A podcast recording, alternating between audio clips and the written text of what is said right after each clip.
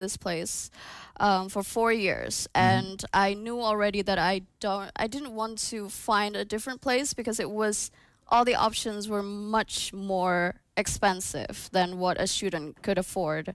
So now that I'm working, only now after four years, I've moved out.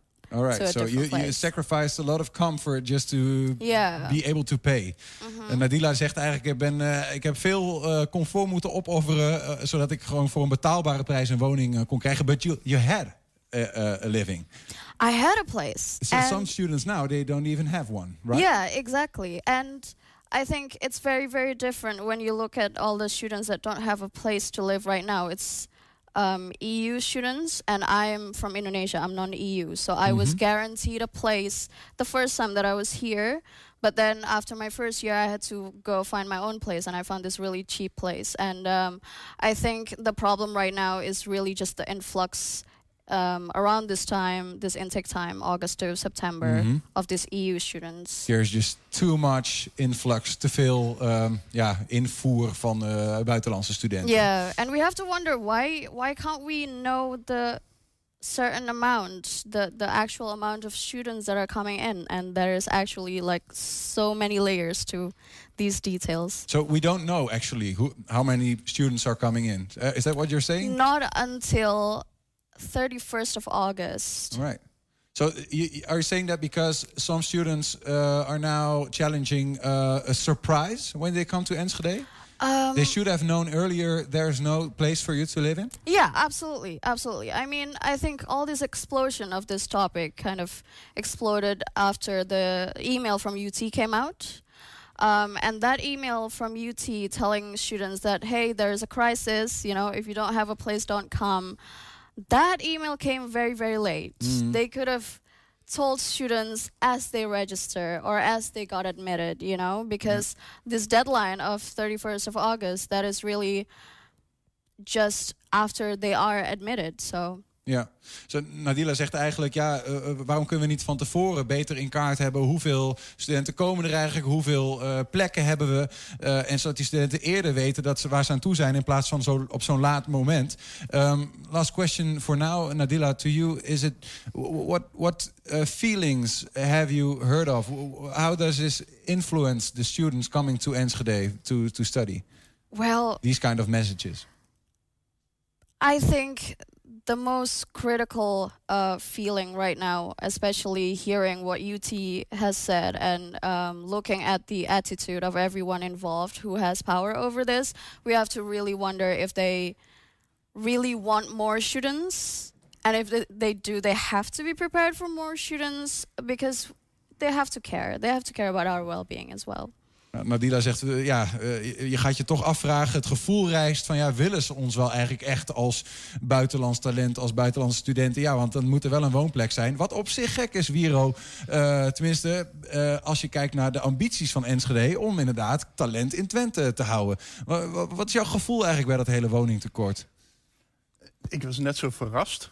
In ieder geval over de Nadilla die noemde die e-mail van if, if you don't have space now you should reconsider your inschrijving. Ja, ja, ja. En eh, ik was daar net zo verrast over. Maar, maar nu we deze challenge organiseerden, dan hoor je eigenlijk ook hoe verrassend de invloed was van corona. Studenten die nu opeens wel konden gaan studeren, die dat misschien eerder niet hadden verwacht. Eh, maar ook, eh, ook een, een stokkende doorstroom in studentenhuizen. Doordat studenten die zijn afgestudeerd nu misschien wel online ergens kunnen werken... in plaats van dat ze al gaan verhuizen. Die blijven gewoon hangen. Ja, nee, precies. En, en, en de brexit is ook wel eens genoemd als mogelijke invloed. Ja, daar hebben we nooit over nagedacht. Maar kennelijk als je nu niet in, eh, in Liverpool kunt studeren of zo... ja, misschien ga je dan wel naar Enschede. Dus er zijn ook meerdere invloeden geweest die dat, eh, die dat hebben bepaald. En tegelijkertijd, we waren afgelopen weekend met die challenge bezig. En toen, eh, ik heb zelf wat vaker teruggedacht ook aan toen ik hier zelf ging studeren. En toen waren er, de, ik geloof, 900 eerstejaars. Waarvan er een aantal van de Antillen kwamen en de rest allemaal uit Nederland. En tegenwoordig hebben we bijna twee keer zoveel eerstejaars.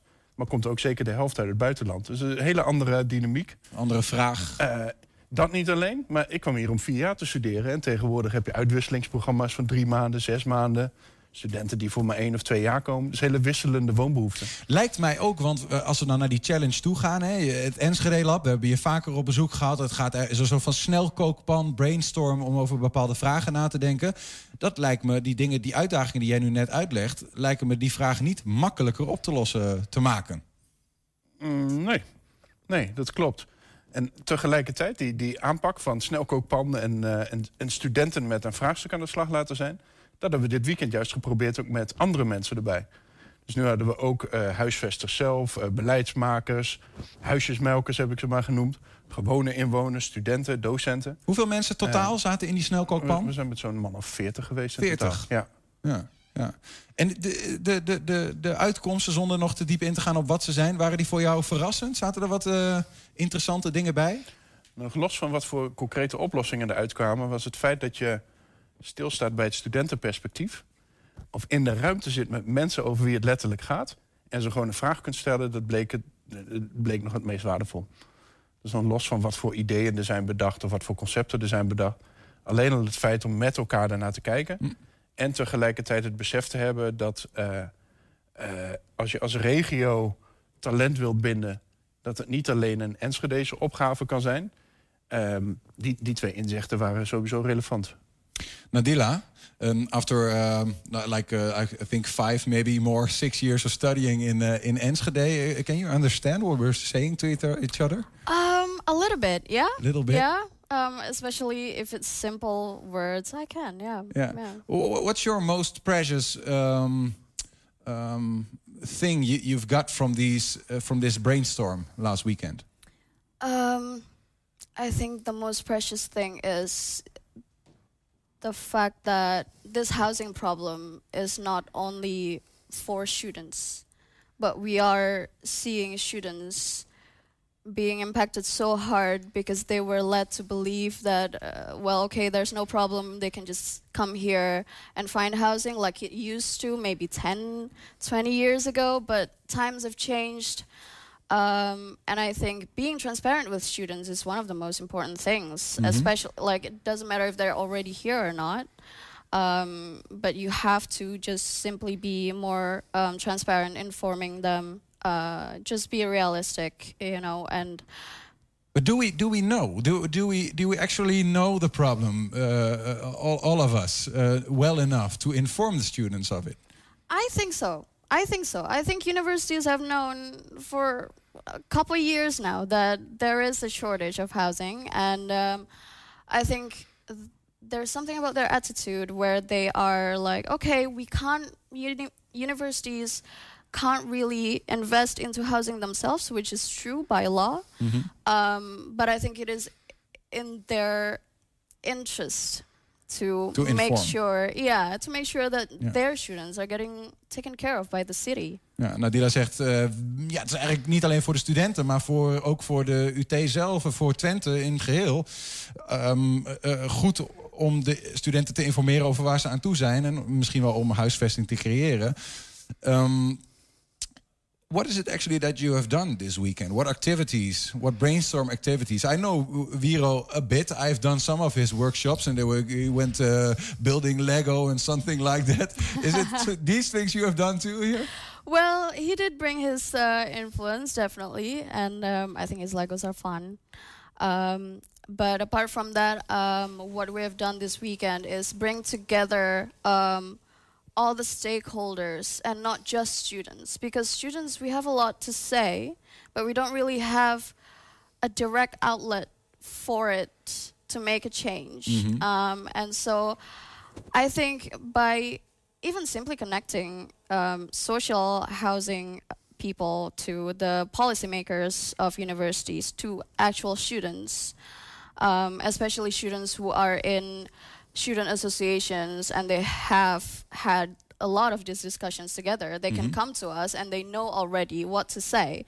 Um, and so seeing the collaboration of all these ideas, I think is the most important thing. And mm. um, bringing forward just keep talking about it and not covering it anymore. Eigenlijk, Wiro, zegt Nadila hetzelfde als wat jij hier eerder zei zo net. Zo van, eh, ja, het feit alleen al dat die mensen met elkaar praten... beleidsmakers, eh, de mensen van de universiteit, eh, huisjesmelkers, whatever...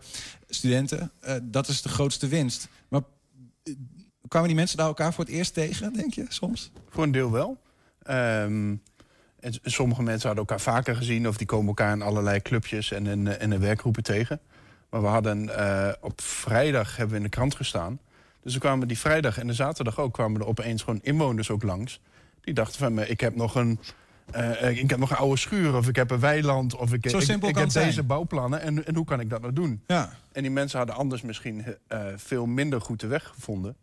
Eh, en die zagen nu ook van, goh, hier zit een docent eh, met wie je kan praten. Oh, er is iemand van domein die, eh, die mij kan uitleggen... op welke manier eh, verhuur eigenlijk in elkaar, in elkaar steekt. Maar was dat ook wat het vooral was dan? Gewoon een soort van ja, een netwerkbijeenkomst tussen al die mensen... om ideeën uit te wisselen? Nee, we hadden een soort van agenda. Dus eh, eh, het was wel de bedoeling dat iedereen zich even kenbaar maakte. Dus dat we, dat we wisten wie er in de ruimte is.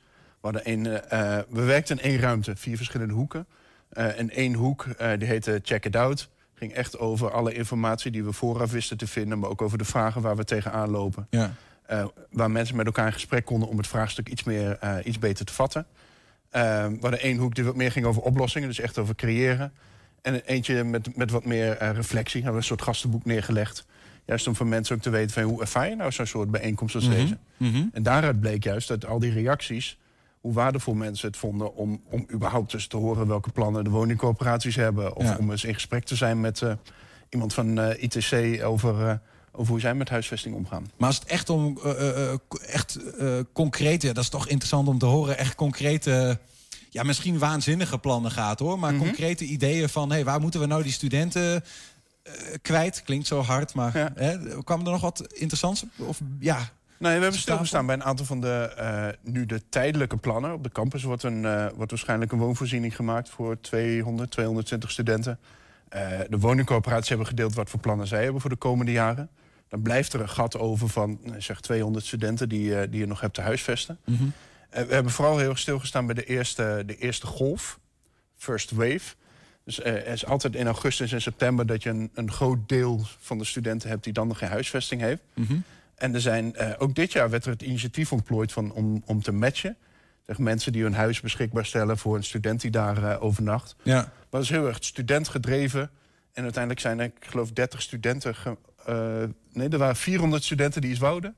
En die zijn gematcht aan 30 huishoudens of zo. Dus er zit, die verhouding is nog totaal zoek. En het komt ook doordat we te laat zijn begonnen.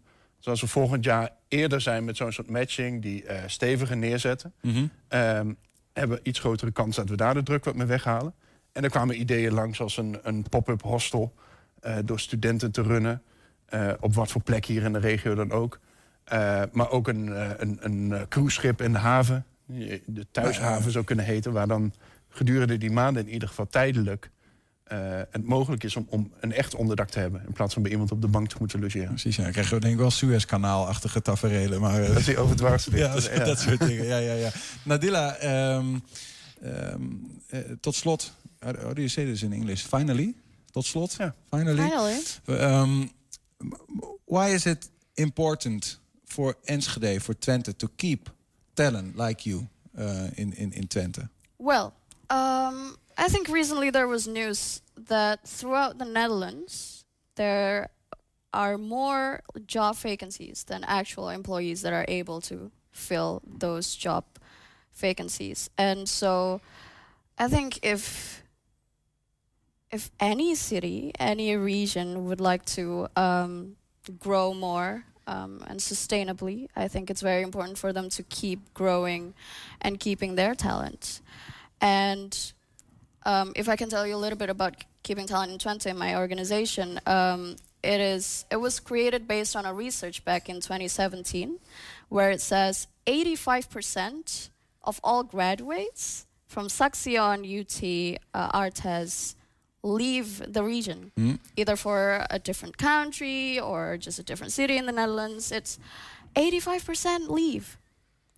And so, do we want to let go of them? Do we not need them? You know, Mhm. I, I think. Why do they leave?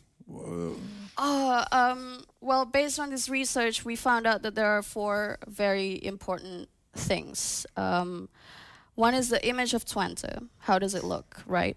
Uh, one is career, obviously, because if there's no jobs, they, they will leave. Um, and I think we do have these jobs for them, right?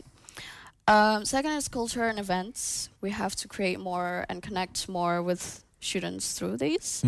Um, and also housing. And housing has been the hardest part um, for our organization to work on um, because we've had these talks with um, uh, Asciate, uh, Domain, Mhm. Woningcorporaties. yeah, and um, we we'd been talking to them a couple of years ago, you know, about their plans that are coming up in a couple of years. So, so it it sh- shouldn't have been a so problem. long. Yeah. Actually. Well, it does take a long time to build new things, but at the same time, why are there places that are empty and a Yeah. business place, you know, but it can't be turned into uh, student housing simply because it needs a permit? Dus ehm, ja, eigenlijk heb gevraagd van waarom gaan mensen nou weg? Waarom gaan studenten weg? Want dat zegt Nadila, 85% van de studenten hier, eh, ja, die vertrekt gewoon weer. En zegt, nou ja, Twente heeft eh, misschien deels een imageprobleem. eh maar ook gewoon simpelweg, eh, ehm, nou ja, er is geen vacatureprobleem. Er zijn genoeg vacatures om in te vullen, maar er zijn niet genoeg werkers. Daar ligt het probleem niet. Maar wonen is ook gewoon een, een probleem. Dus eigenlijk, Nadila, you, can say the problem of ta- talent not um, staying in Twente can be resolved. We can build houses and we can do something uh, in the image of Twente, right? So we are. Yeah, yeah, and that's really the reason that we are here is to raise these concerns. Thank you.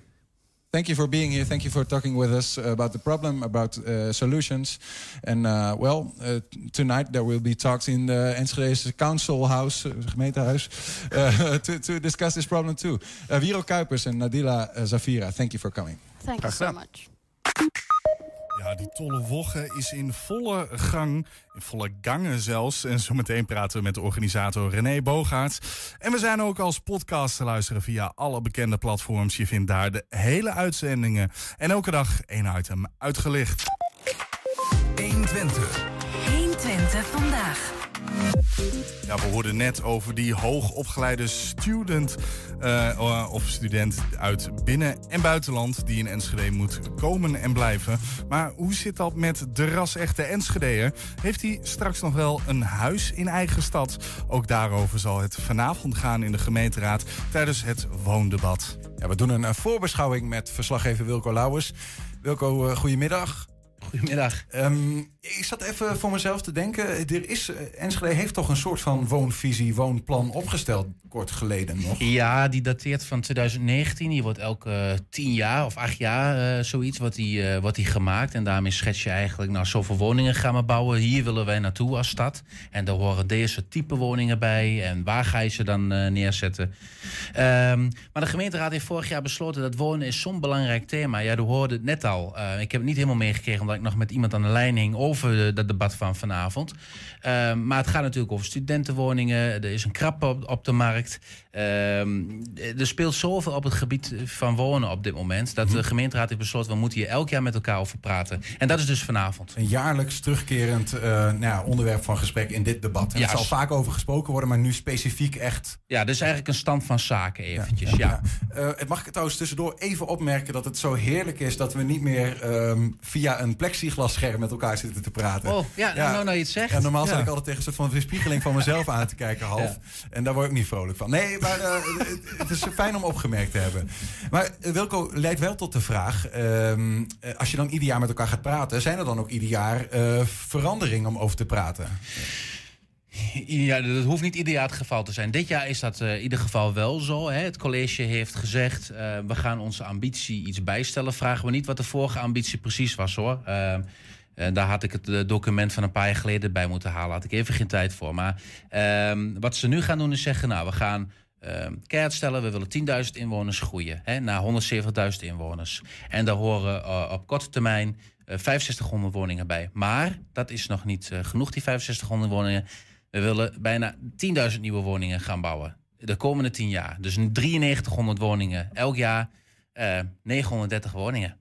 Dat, maar wacht even, je hebt het over nieuwe, nieuwe inwoners en nieuwe woningen. Ja. Want ik zit te denken, ja, nieuwe inwoners, kunnen we die dan wel kwijt? Want het geluid wat ik nu al eh, net hoorde van de studenten... maar wat je ook vaak hoort van mensen die een betaalbare woning zoeken... bij de woningcorporatie, wachtlijsten van hier tot Sint-Juttemus. Ja. Dat is het beeld althans. Ja, nee, dat, dat, is, dat is absoluut zo. Sterker nog, ik heb die vraag, eh, om, om daar even tussendoor te komen, eh, uitgezet. Hoeveel mensen staan er nu ingeschreven bij eh, de drie grote corporaties?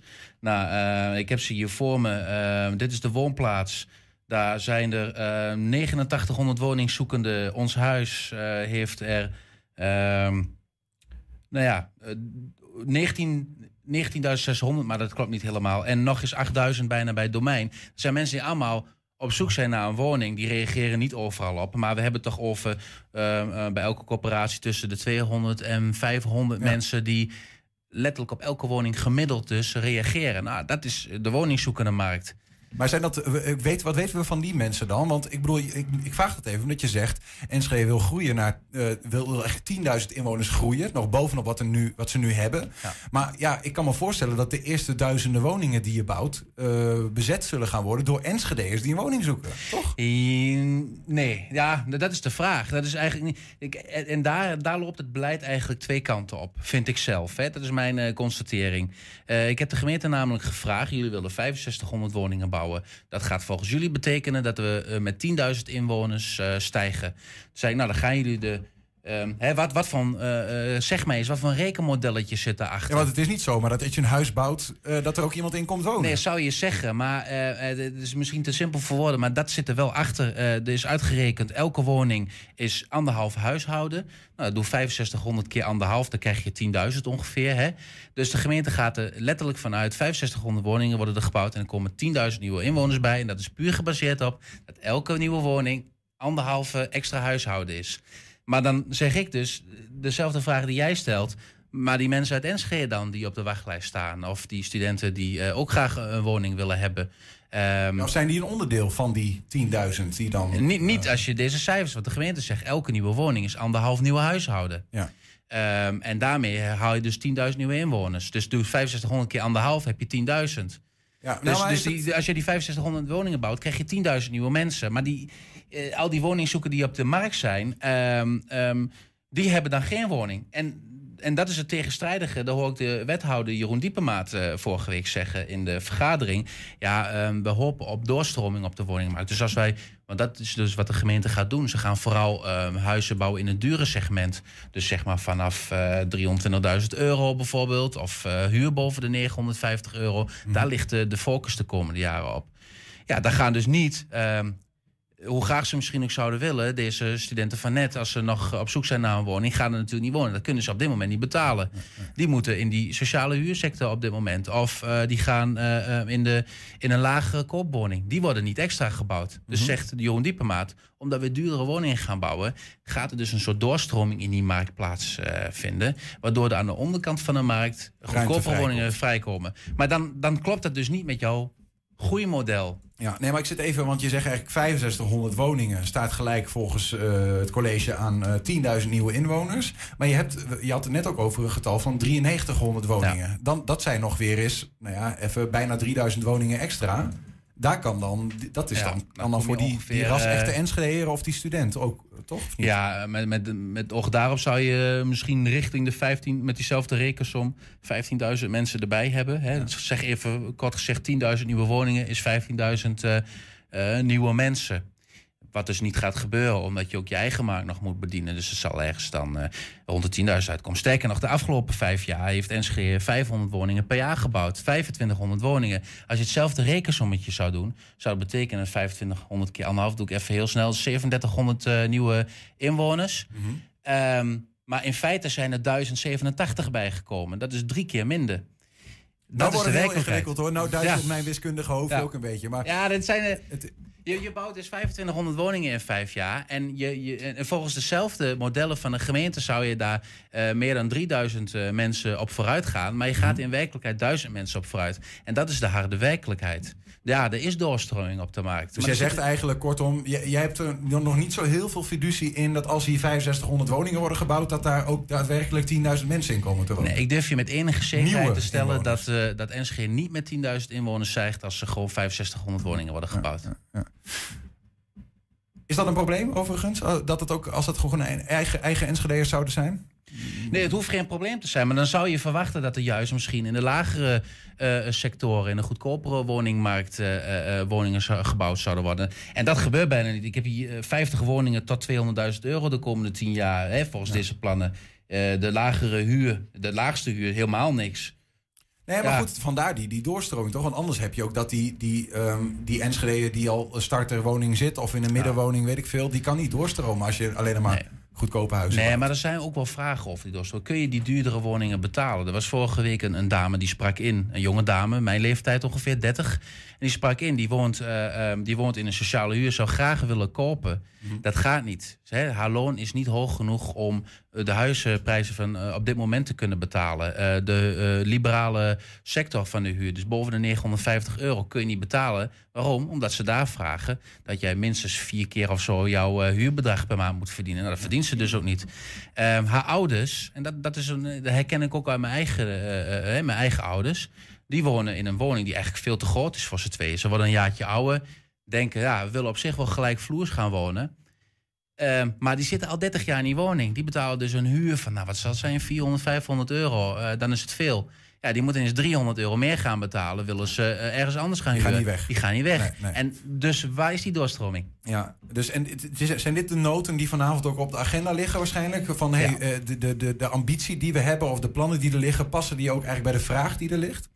Eh, ja, dat gaat zeker aan orde komen. Kijk, de, de, hele woondebat, het zal wel ehm, vrij makkelijk doorkomen. Maar ehm, daarom heb ik, eh, was net nog even van een lijn met Jaren Hummels van de PvdA. Die zat hier laatst ook. Die wil meer aandacht voor eh, betaalbare woningen. Dat zal vanavond ook aan de orde komen. In welke zin dat gebeurt, durf ik nog niet helemaal te zeggen. Dat is allemaal nog, we stonden nog in de in concept, zeg maar, de voorstellen. Maar ze willen dat er meer aandacht is voor, ehm, voor de goedkopere woningen. En dus niet die 50 die er nu worden gebouwd. Dus er zal ongetwijfeld een opdracht in staan van eh, zorg voor meer betaalbare woningen. Dat is dus niet eh 320.000 euro.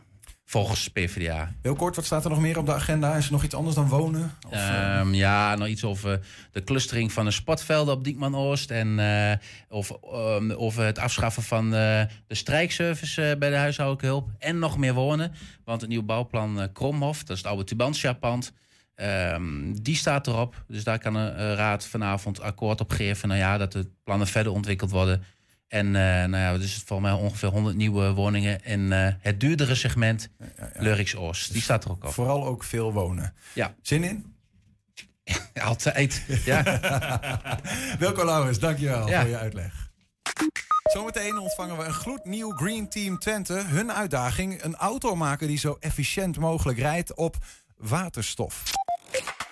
120 vandaag. Ja, die tolle Wogge kende haar aftrap afgelopen zaterdag in Enschede. Eén week lang kun je allerlei Duitse en Nederlandse activiteiten vinden in en rondom Enschede... die de banden tussen Duitsland en Nederland laat zien. Een openingsconcert op de Oude Markt luidde de week in. En als klap op de vuurpijl zien we aankomende zondag... de Sparkasse Münsterland Giro starten vanaf de Oude Markt. Wat allemaal nog meer te doen is, dat vragen we aan organisator René Bogaerts. En René is bij ons, welkom. Dankjewel. Even voor de mensen die zeg maar niet weten wat die Tollewogge precies is.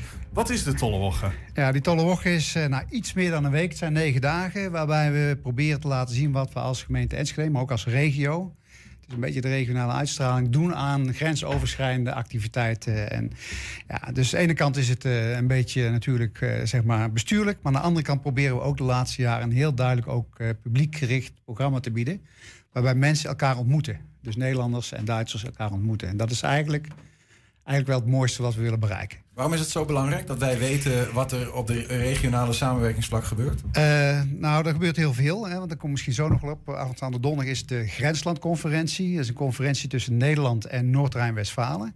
Enschede is gaststad, dus wij organiseren het. Maar de input komt natuurlijk uit uh, de Grenslandagenda. Dat zijn thema's als uh, ondermijning, thema's als bereikbaarheid, zeg grensoverschrijdende ticketing. Dat je met één ticket zowel in Nederland als in Noord-Rijn-Westfalen kunt uh, reizen.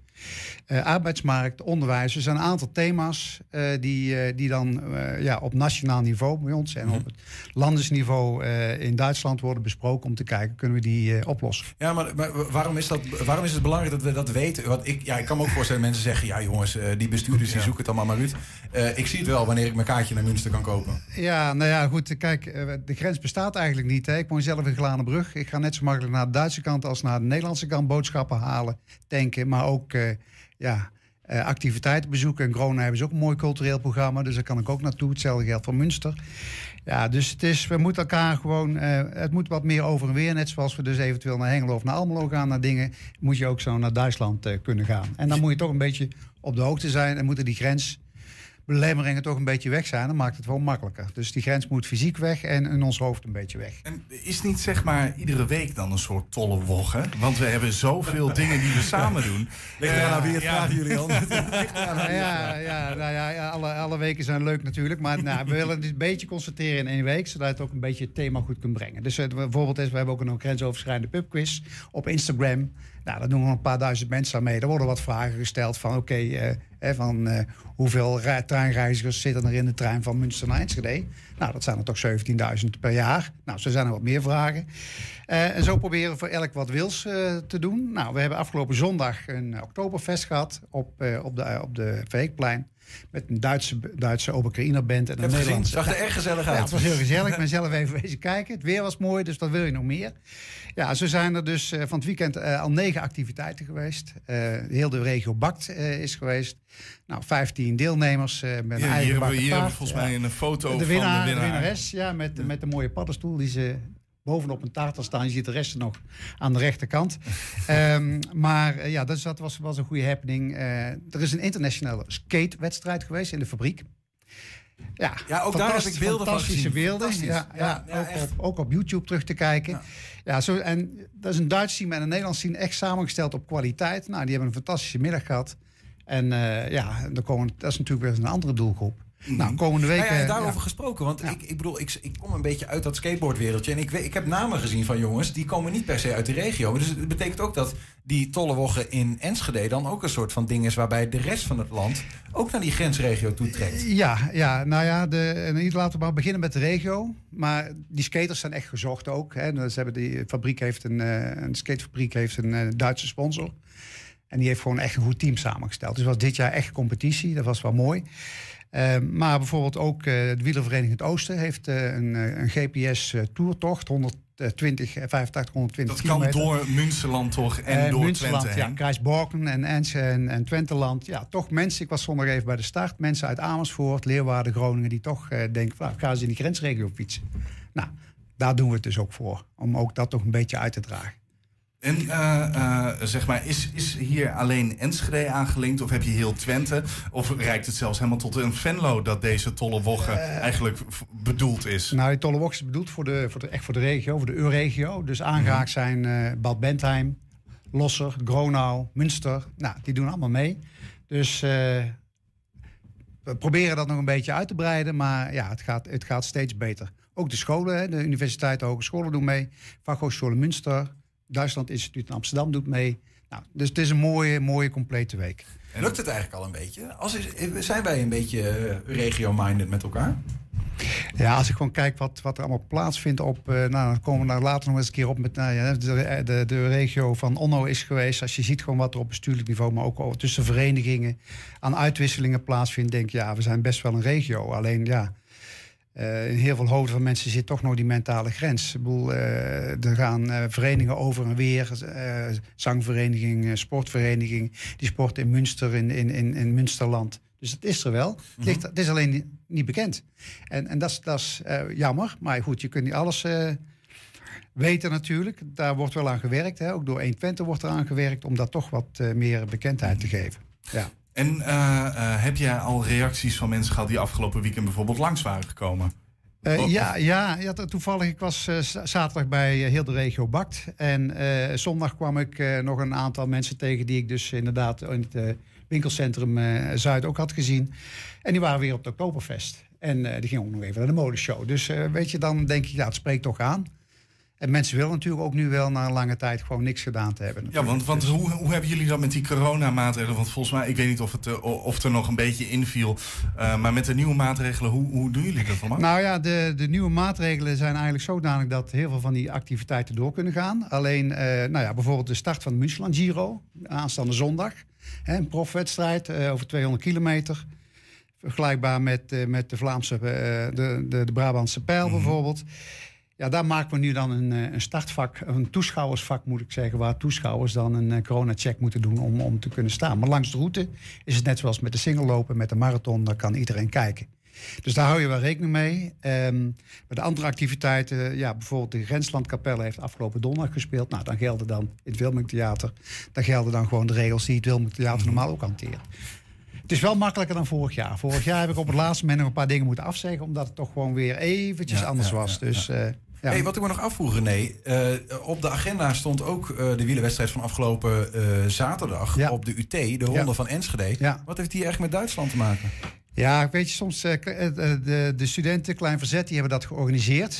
En die hebben natuurlijk ook in Duitsland geworven, zeg maar. Ik weet niet, ik heb niet nagevraagd meer van hoeveel Duitse deelnemers zijn geweest. De bedoeling is natuurlijk over en weer dat mensen toch mee gaan doen. En daarom heb ik gezegd, van, nou laten we de ronde van Enschede meenemen. Eh, en bovendien... Het is viel die toevallig in die week en dacht je van, nou... Nee, nee, nee, nee, nee. Ik heb Nee? het met die jongens, eh, ze zouden het eerst eh, in augustus doen. Maar toen zeg ik, nou, dan kunnen we het wel combineren met die, met die Tollewoch, in dit geval in september. Nou, en dus zegt, nou, je begint met een wielerevenement en je sluit af met een wielerevenement. Dus dat is eigenlijk wel een beetje de Ik weet in cirkel. ieder geval één iemand die daar heel blij mee Dus maakt. de cirkel eh, ja, zit hier een wielrenner aan tafel. Ja, nou ja, recreant. Laten we dat zo noemen. Nee, want je, eh, je- hebt nu zeg maar eh, dit event. Kunnen dan mensen ook zeg maar voor wat muzikale soela's ergens terecht? Ja, nou, we hadden het Oktoberfest is natuurlijk geweest. Hè. Dat, dat was muziek. Voor de rest hebben we de, het, Carillon-concert gehad. Met, ook met Esther Schopman, onze stadsbijerdier. En Ronja Maaltza, de Duitse artiesten. Dus ook weer zo'n samenwerking. En ja, de aanstaande eh, eh, de, de, de 30 nee, de 29ste, moet zelf even kijken naar de datum. Woensdag, nou ja, woensdag, ja. Is, eh, is er een sing-songwriter ja, workshop. En dat wordt begeleid door Hendrik Jan Bukkers. Inmiddels wel natuurlijk ook landelijk zeer bekend. En, eh, nou, Sallandse viking. Ja, precies. Mooi Niels, mooi. ja, en eh, die gaat met zes eh sing-songwriters aan de slag. En eh nou, s'avonds kun je kijken wat er uitgekomen is. Dus dat is het muzikale. Nou, er is ook de mooiste liedjes. Dat is een terugkerend iets in het vestzak. Dat wordt ook Duits ingestoken dit keer. En op donderdag is er ook nog in het Concordia een, een Duitse uitvoering van Next Generation. Ehm, eh, dus dat is ook afgestemd met Concordia. Dus de cultuursector werkt ook heel goed mee. Doet ook heel veel in, al in het grensoverschrijdende samenwerken. Maar ik zeg al, ja, het moet allemaal wat bekender worden. En eh, wat meer aan de oppervlakte komen. Je noemde net al even die grenslandconferentie en ook Ja. al wat, wat inhoud. Maar had je daar, was je daarover uitgesproken? Want dat twijfelde ik een beetje aan. Ja, nou ja, de, eh, de grenslandconferentie is wel belangrijk. En, eh, en, en nou, dit jaar, wij hebben er worden een aantal workshops georganiseerd. En er is een livestream van het kernprogramma waar Knops en eh, de Duitse minister- Staatssecretaris. staatssecretaris Knops en minister Holthoff Pförtner van NRW en commissaris van de Koning Heidema. Dat is zeg maar het, eh, het beleids, de beleidsmensen die de vragen beantwoorden al in, in een livestream. Er komt de Grenslandprijs, wordt daar uitgereikt. En de Grenslandprijs is voor een grensoverschrijdend initiatief vanuit de provincie. Dus ook daar en dan eh, ja, ook eh, een mooi programma. Ehm, en daarnaast zijn er workshops om te kijken van hoe ver zijn we nu met de uitwerking van die punten op die agenda. Dus ondermijning is er onderzoek geweest, Ja. wordt gepresenteerd. We hebben ook dit jaar een side-event hebben we maar genoemd over water.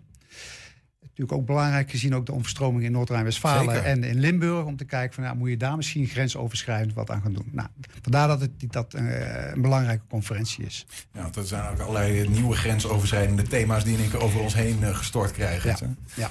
Ehm, René, dank je. Ja, ik, Ja, waar, kunnen mensen nog terecht? Als ze nog Ja, nou ja, als ze iets op willen zoeken, Op eh, de, op de website www.dietollerwoche.eu, dus EU.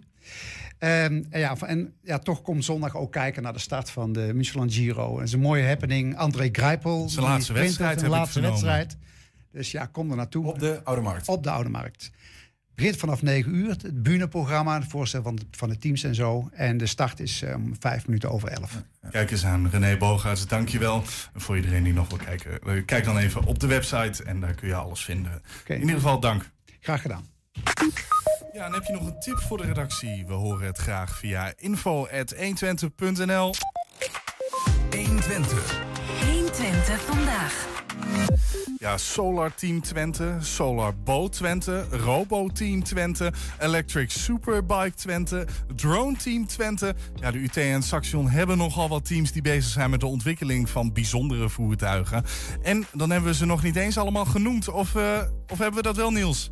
Nee, dat klopt, eh, Julian. Wat dacht je bijvoorbeeld van de Green Team Twente? Dat team heeft slechts één doel: een auto maken die zo efficiënt mogelijk rijdt op waterstof. En eh, toevallig zit ik hier met eh, de leider van het team dat net is aangesteld. Dat is Wouter Grote-Veldman. Klopt. En met een van de techneuten, Ja. technici uit het team, Vincent van Krimpen. Goedemiddag beiden. Goedemiddag. Hey, daar hebben we iets prachtigs meegenomen. Ik ben benieuwd om daar straks nog iets over te horen. Ehm, ik, allereerst, eh, ik weet het niet hoor, Wouter, maar ik vroeg me af, al die teams op de UT en Saxion, waar we net al even die opsomming die we noemden, Mhm. hebben jullie ook wel eens gezamenlijk overleg met het Solar Team, Solar Boat, eh Ja. Drone Team, weet ik veel wat allemaal? Ja, ja, zeker. We krijgen sowieso ondersteuning vanaf de, de UT. Dus dan is er een maandelijks gezamenlijk overleg.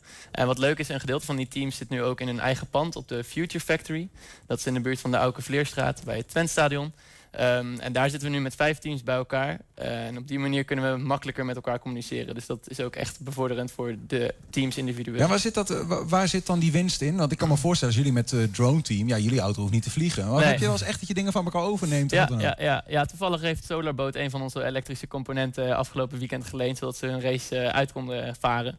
Dus dat was wel heel leuk, want die, eigenlijk zijn ook, is elk team best wel bazaal. Je hebt allemaal een motor vaak, je hebt allemaal een, een aandrijving. Ehm, en in, in die zin moet je dat ook allemaal aansturen. Dus ehm, die, die aansturing vanuit bijvoorbeeld een stuurtje naar een motor met een motorcontroller. En in die zin, de technische componenten zijn vaak hetzelfde. En wat het voertuig dan doet, dat kan verschillen. En ook nou, bijvoorbeeld hoe hard het gaat en hoeveel vermogen nodig is. Maar de basisprincipes zijn best wel vaak hetzelfde. En daarmee ook de teamaansturing. Dus dat, daar kunnen we heel veel van elkaar leren. Over aansturing gesproken. Aansturing van een auto door waterstof, eh, Vincent. Dat is iets wat misschien, weet ik veel, tien jaar geleden nog überhaupt al een soort van futuristisch idee klonk. Eh, het komt steeds dichterbij. Over hoeveel jaar denk jij eh, rijdt, rijden deze auto's gewoon eh, op de weg? Er rijden zelfs auto's. Er rijden al op de weg. Ja, op het moment zijn er in Nederland twee modellen die op waterstof rijden. Eh, en eh, ja, dus ze- het is er al, de techniek. Er is een Toyota die erop rijdt en er is een Hyundai die op waterstof rijdt. In Nederland ook in al? Nederland al, ja. Nou, doe maar. En wat gooi je daar dan in? Gewoon water? Ja, waterstof gooi je erin. Dat kan je tanken nog op niet heel veel tankstations. Er zijn er nog maar een paar in Nederland. Eh, er komen er wel een hoop bij. Er worden er een paar gerealiseerd en er zijn plannen voor meer. Ehm, en dan, dan kan je daar waterstof tanken. En wat is, wat is waterstof? Waterstof is een eh, element. ehm, en en eh, ja, Dat is een moeilijke Ja, dat vraag. is een lastige maar is vraag. waterstof een gas? Of is dat eh, vloeibaar of vast? Of hoe moet ik dat zien? dat hangt van de temperatuur en druk af. Maar in principe als je het tankt, bij een tankstation is het in gasvorm. Want het is een heel erg licht element. Dus eh, ja. Ja. Het is een, een soort gas. Ja. We, zometeen komen we misschien nog wel iets technischer over hoe dan dat gas uiteindelijk onze auto eh, aan, aanstuurt en wat voor een uitdagingen daarbij komen. Eerst even een klein stapje terug. Green Team Twente. Wouter, wat is dat eigenlijk voor een team? Het is een eh, studententeam. Dus we zijn een team met meestal fulltime studenten die van verschillende studies bij elkaar komen. eh, met als doel het bouwen van een meest efficiënte waterstofauto. Ehm, en eigenlijk ook met als daarnaast gewoon de wereld laten zien van hey, waterstof is echt een serieuze oplossing als eh, energieprobleem. Want we komen natuurlijk nu tegen een energieprobleem aan. Eh, zeker de opslag van energie is erg interessant. En daar komen gewoon, we hebben daar nu problemen mee. En waterstof is echt een oplossing daarvoor. En wij vinden dat bij Green Team Twente dat we dat uitstralen dat het belangrijk is om dat probleem aan te pakken. En Mhm. waterstof is gewoon een van de oplossingen. Ik zeg niet dat het de beste is, maar het is zeker niet de slechtste. Ja, je Eh, laat het gewoon letterlijk zien. Ja, ja, ja. Kijk maar, het kan. Ja, precies. Ja. Ja. Wie, wie zit er in zo'n team eigenlijk? Wat voor studenten zijn dat? Ja, het is echt Een heel verschillend. Sorry? Een potpourri van studenten? Ja, ja, nou ja, je- Vincent Ja. tegenover mij is, Ja, zit... ik, ik ben van technische natuurkunde. Maar we hebben ook heel veel electrical engineers in het team. En werktuigbouwkundigen en industrieel ontwerpers. Technische zitten. bedrijfskunde. Technische is bedrijfskunde, eh, van alles wat. Ja, ja. En dat is heel mooi, want dan kunnen we ook allemaal heel veel van elkaar leren. Ja, gezellig ook? Ja, of denk ook je wel eens van ah, die, die technische natuurkundige, dat was je zelf, hè? Ja, dat ben ik zelf. Ja, ja, ja. dat zijn toffe peren, maar de electrical engineers die zijn gek. Weet je, heb je wel zo- heb je wel zo'n dingetje, zo'n groepsvorming of niet? Nee, niet echt. We zitten eh, per subteam allemaal anders. Eh, elk, want het team is dan opgedeeld in verschillende subteams. Die elk hun eigen taak hebben. Maar binnen mijn subteam, ik zit in het subteam Powertrain. Maar daar hebben we ook allemaal verschillende disciplines bij elkaar. En eigenlijk merk ik daar geen onderscheid tussen. Het is alleen maar eh, positief. Hoeveel van jouw tijd kost dit eigenlijk? Dit kost mij eh, minimaal 40 uur in de week. 40? En Wouter, voor jou? Ja, hetzelfde. Ja, zeker. Dit is gewoon jullie werk? Ja. Je legt gewoon een, één jaar van je studie opzij voor dit. Ja, ja, zeker. Ja, het is ook, je leert natuurlijk ook veel andere dingen die je tijdens een studie niet per se leert. Dus een studie is vaak heel theoretisch. En dit is eigenlijk een stapje in het bedrijfsleven. Van hoe gaat het daar nou? Hoe kunnen we nou zo'n team aansturen? En het is voor mij ook wel, ik vind het persoonlijk ook fijn om te kijken van vind ik dit een leuke taak? En wil ik dit later ook gaan doen, zeg maar. Dus het is eigenlijk een soort van Ja. voorproefje van hoe werkt dat? Het is een jaar gewoon een stage, soort, soort of. Zo zou je het Ja, bijna kunnen ja, zien. Waarom doe jij het eigenlijk, Wouter? Of eh, Vincent, sorry. Ik doe dit. eh, ik wou heel graag mezelf verder ontwikkelen, ook met dit praktische ervaren. En eh, daarna, toen ik eenmaal in, in, aan Green Team dacht, toen ben ik heel erg geïnspireerd geraakt over het daadwerkelijke doel van Green Team met dat waterstof. eh, de wereld laten zien dat dat echt de toekomst is, ook voor de, in de automotive industrie. En Wordt het de toekomst, denk jij? nou, ik denk dat. Boven zonneauto's of eh, wat voor gekkigheden we allemaal... nou, ik, ik denk voornamelijk dat de toekomst eruit gaat zien tussen een combinatie van elektrische en waterstofauto's. Dus jullie werk is eh, super relevant. Ja, zeker. Hoe moet ik dat eigenlijk zien? Als jullie in dat team ehm, dingen ontwikkelen... wat voor invloed heeft dat op die globale auto-industrie, zeg maar? Ehm, dat is een goede vraag. Eh, wij proberen nu met onze auto pro- proberen we heel erg de efficiëntie eh, te testen. Dus hoe efficiënt kunnen we die auto maken? Steeds weer een beetje meer efficiëntie eruit halen. En daarmee proberen we dan ook echt te laten zien van nou zo efficiënt kan het ook zijn. En om zo ook echt eh, aandacht voor het onderwerp waterstof eh naar boven Maar zijn er wel eens eh, Tesla's van deze wereld... of eh, die Hyundai's of whatever... die elementen uit waterstofauto's van studententeams gebruiken? Dus ik denk dat het beste voorbeeld misschien wel die Lightyear car is uit eh, Eindhoven. Dat was eerst een studententeam en die bouwen dus nu een auto met zonnepanelen op het dak. Dus eigenlijk een Tesla met zonnepanelen op het, eh, op het dak. En nou, die zijn gewoon begonnen als studententeam. Die zijn daar, hebben zoveel eh, animo was ervoor. Dus die kregen steeds meer bedrijven die wilden heel graag investeren in dat, dat bedrijf. En Ja. dat is nu gewoon echt een serieus bedrijf aan het worden met eh, de eerste modellen al eh, aangekondigd. En hoe zit dat bij Green Team eigenlijk? Zijn jullie eh, die strijd om die meest efficiënte waterstofauto... voer je die vooral tegen jezelf? Of heb je ook meerdere studententeams in den landen of in de wereld waar je tegen strijdt? Ja, ja, we doen elk jaar mee aan de Shell Eco Marathon. Dat is dus de zuinigheidsrace. En we hebben teams uit Eind- Eindhoven en Delft. Ehm, dus daar strijden we wel tegen. Maar dat is op, ja, op zich wel op een vriendschappelijke manier in die zin. Eh, maar dat is wel echt een wedstrijd waar we, waar we tegen strijden. Ja. Wat zijn nou eigenlijk de grote... eh, Jullie hebben iets, iets liggen, misschien moeten we daar even bij beginnen. Ik weet niet, wat is dit eigenlijk, Vincent? Jij kunt dat waarschijnlijk uitleggen. Eh, dit is een capstack. Dat is een, eh, een, een hoop capacitors bij elkaar. En dat is eigenlijk een soort van batterij. Hij eh, slaat de energie op in de auto. Want waar wij de energie vandaan halen, is de waterstofcel. Die, produceert, die haalt energie uit de waterstof. Maar die, die kan je eigenlijk net zien als een kraan. Die moet eigenlijk constant lopen. Die moet een constante output geven. En eh, als je aan het rijden bent, dan druk je het gas in en dan laat je hem los. Dus dan heb je een verschil in hoeveel je nodig hebt, hoeveel energie je nodig hebt, wanneer en wat. En daar is deze voor. Deze die, vat, die vangt eigenlijk die energie op. Dus en die, die haalt die pieken eruit. Dus dit kan je zien als een, een badkuip Mhm. die eh, al het benodigde water heeft en die dat door het putje door kan spoelen Ja. als je het nodig hebt. En die wordt aangevuld door de waterstofcel aan, van energie. Dus eigenlijk een tussenstap voordat de energie van de waterstofcel bij de motor komt. Ja, om te zorgen dat er geen overload Precies. komt. Ja. Ja, ja. En die wordt aangevoerd door een waterstofcel, Ja, zeg die jij. wordt aangevuld door de waterstofcel. En, en wat is een waterstofcel? Ehm, dat zijn allemaal, d- ja, daar wordt de waterstof uit een tank, heb je een waterstof en die eh, gaat dan reageren met zuurstof Mhm. in die waterstofcel. En daar komt energie bij vrij.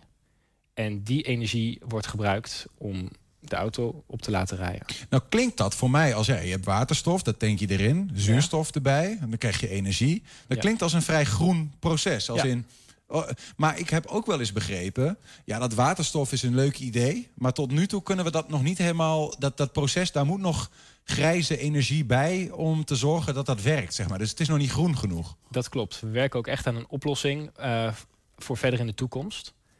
Ehm, Wat is het probleem dan op dit moment? Ehm, op dit moment Ja? is er nog niet een heel groot probleem. Maar wat je in de toekomst gaat krijgen, is dat, je, ehm, dat het energienetwerk dat werkt nu op aanvraag. Dus als er heel veel energie nodig is, dan wordt er door kolencentrales bijvoorbeeld extra energie bijgeleverd en gemaakt om die behoefte te voorzien. Het wordt niet opgeslagen energie dat als het nodig is dat het terugkomt. Aan de andere kant heb je dan dat bijvoorbeeld als later alles energie groen is, eh, dat bijvoorbeeld op het moment dat er eh, heel veel energie opgewekt wordt door de zon bijvoorbeeld, Mhm. maar dat het nergens kwijt kan, dan, dan heb je niks aan die energie. Ja. Dus op het moment dat je die energie over hebt, kan je die gaan stoppen in het maken van waterstof.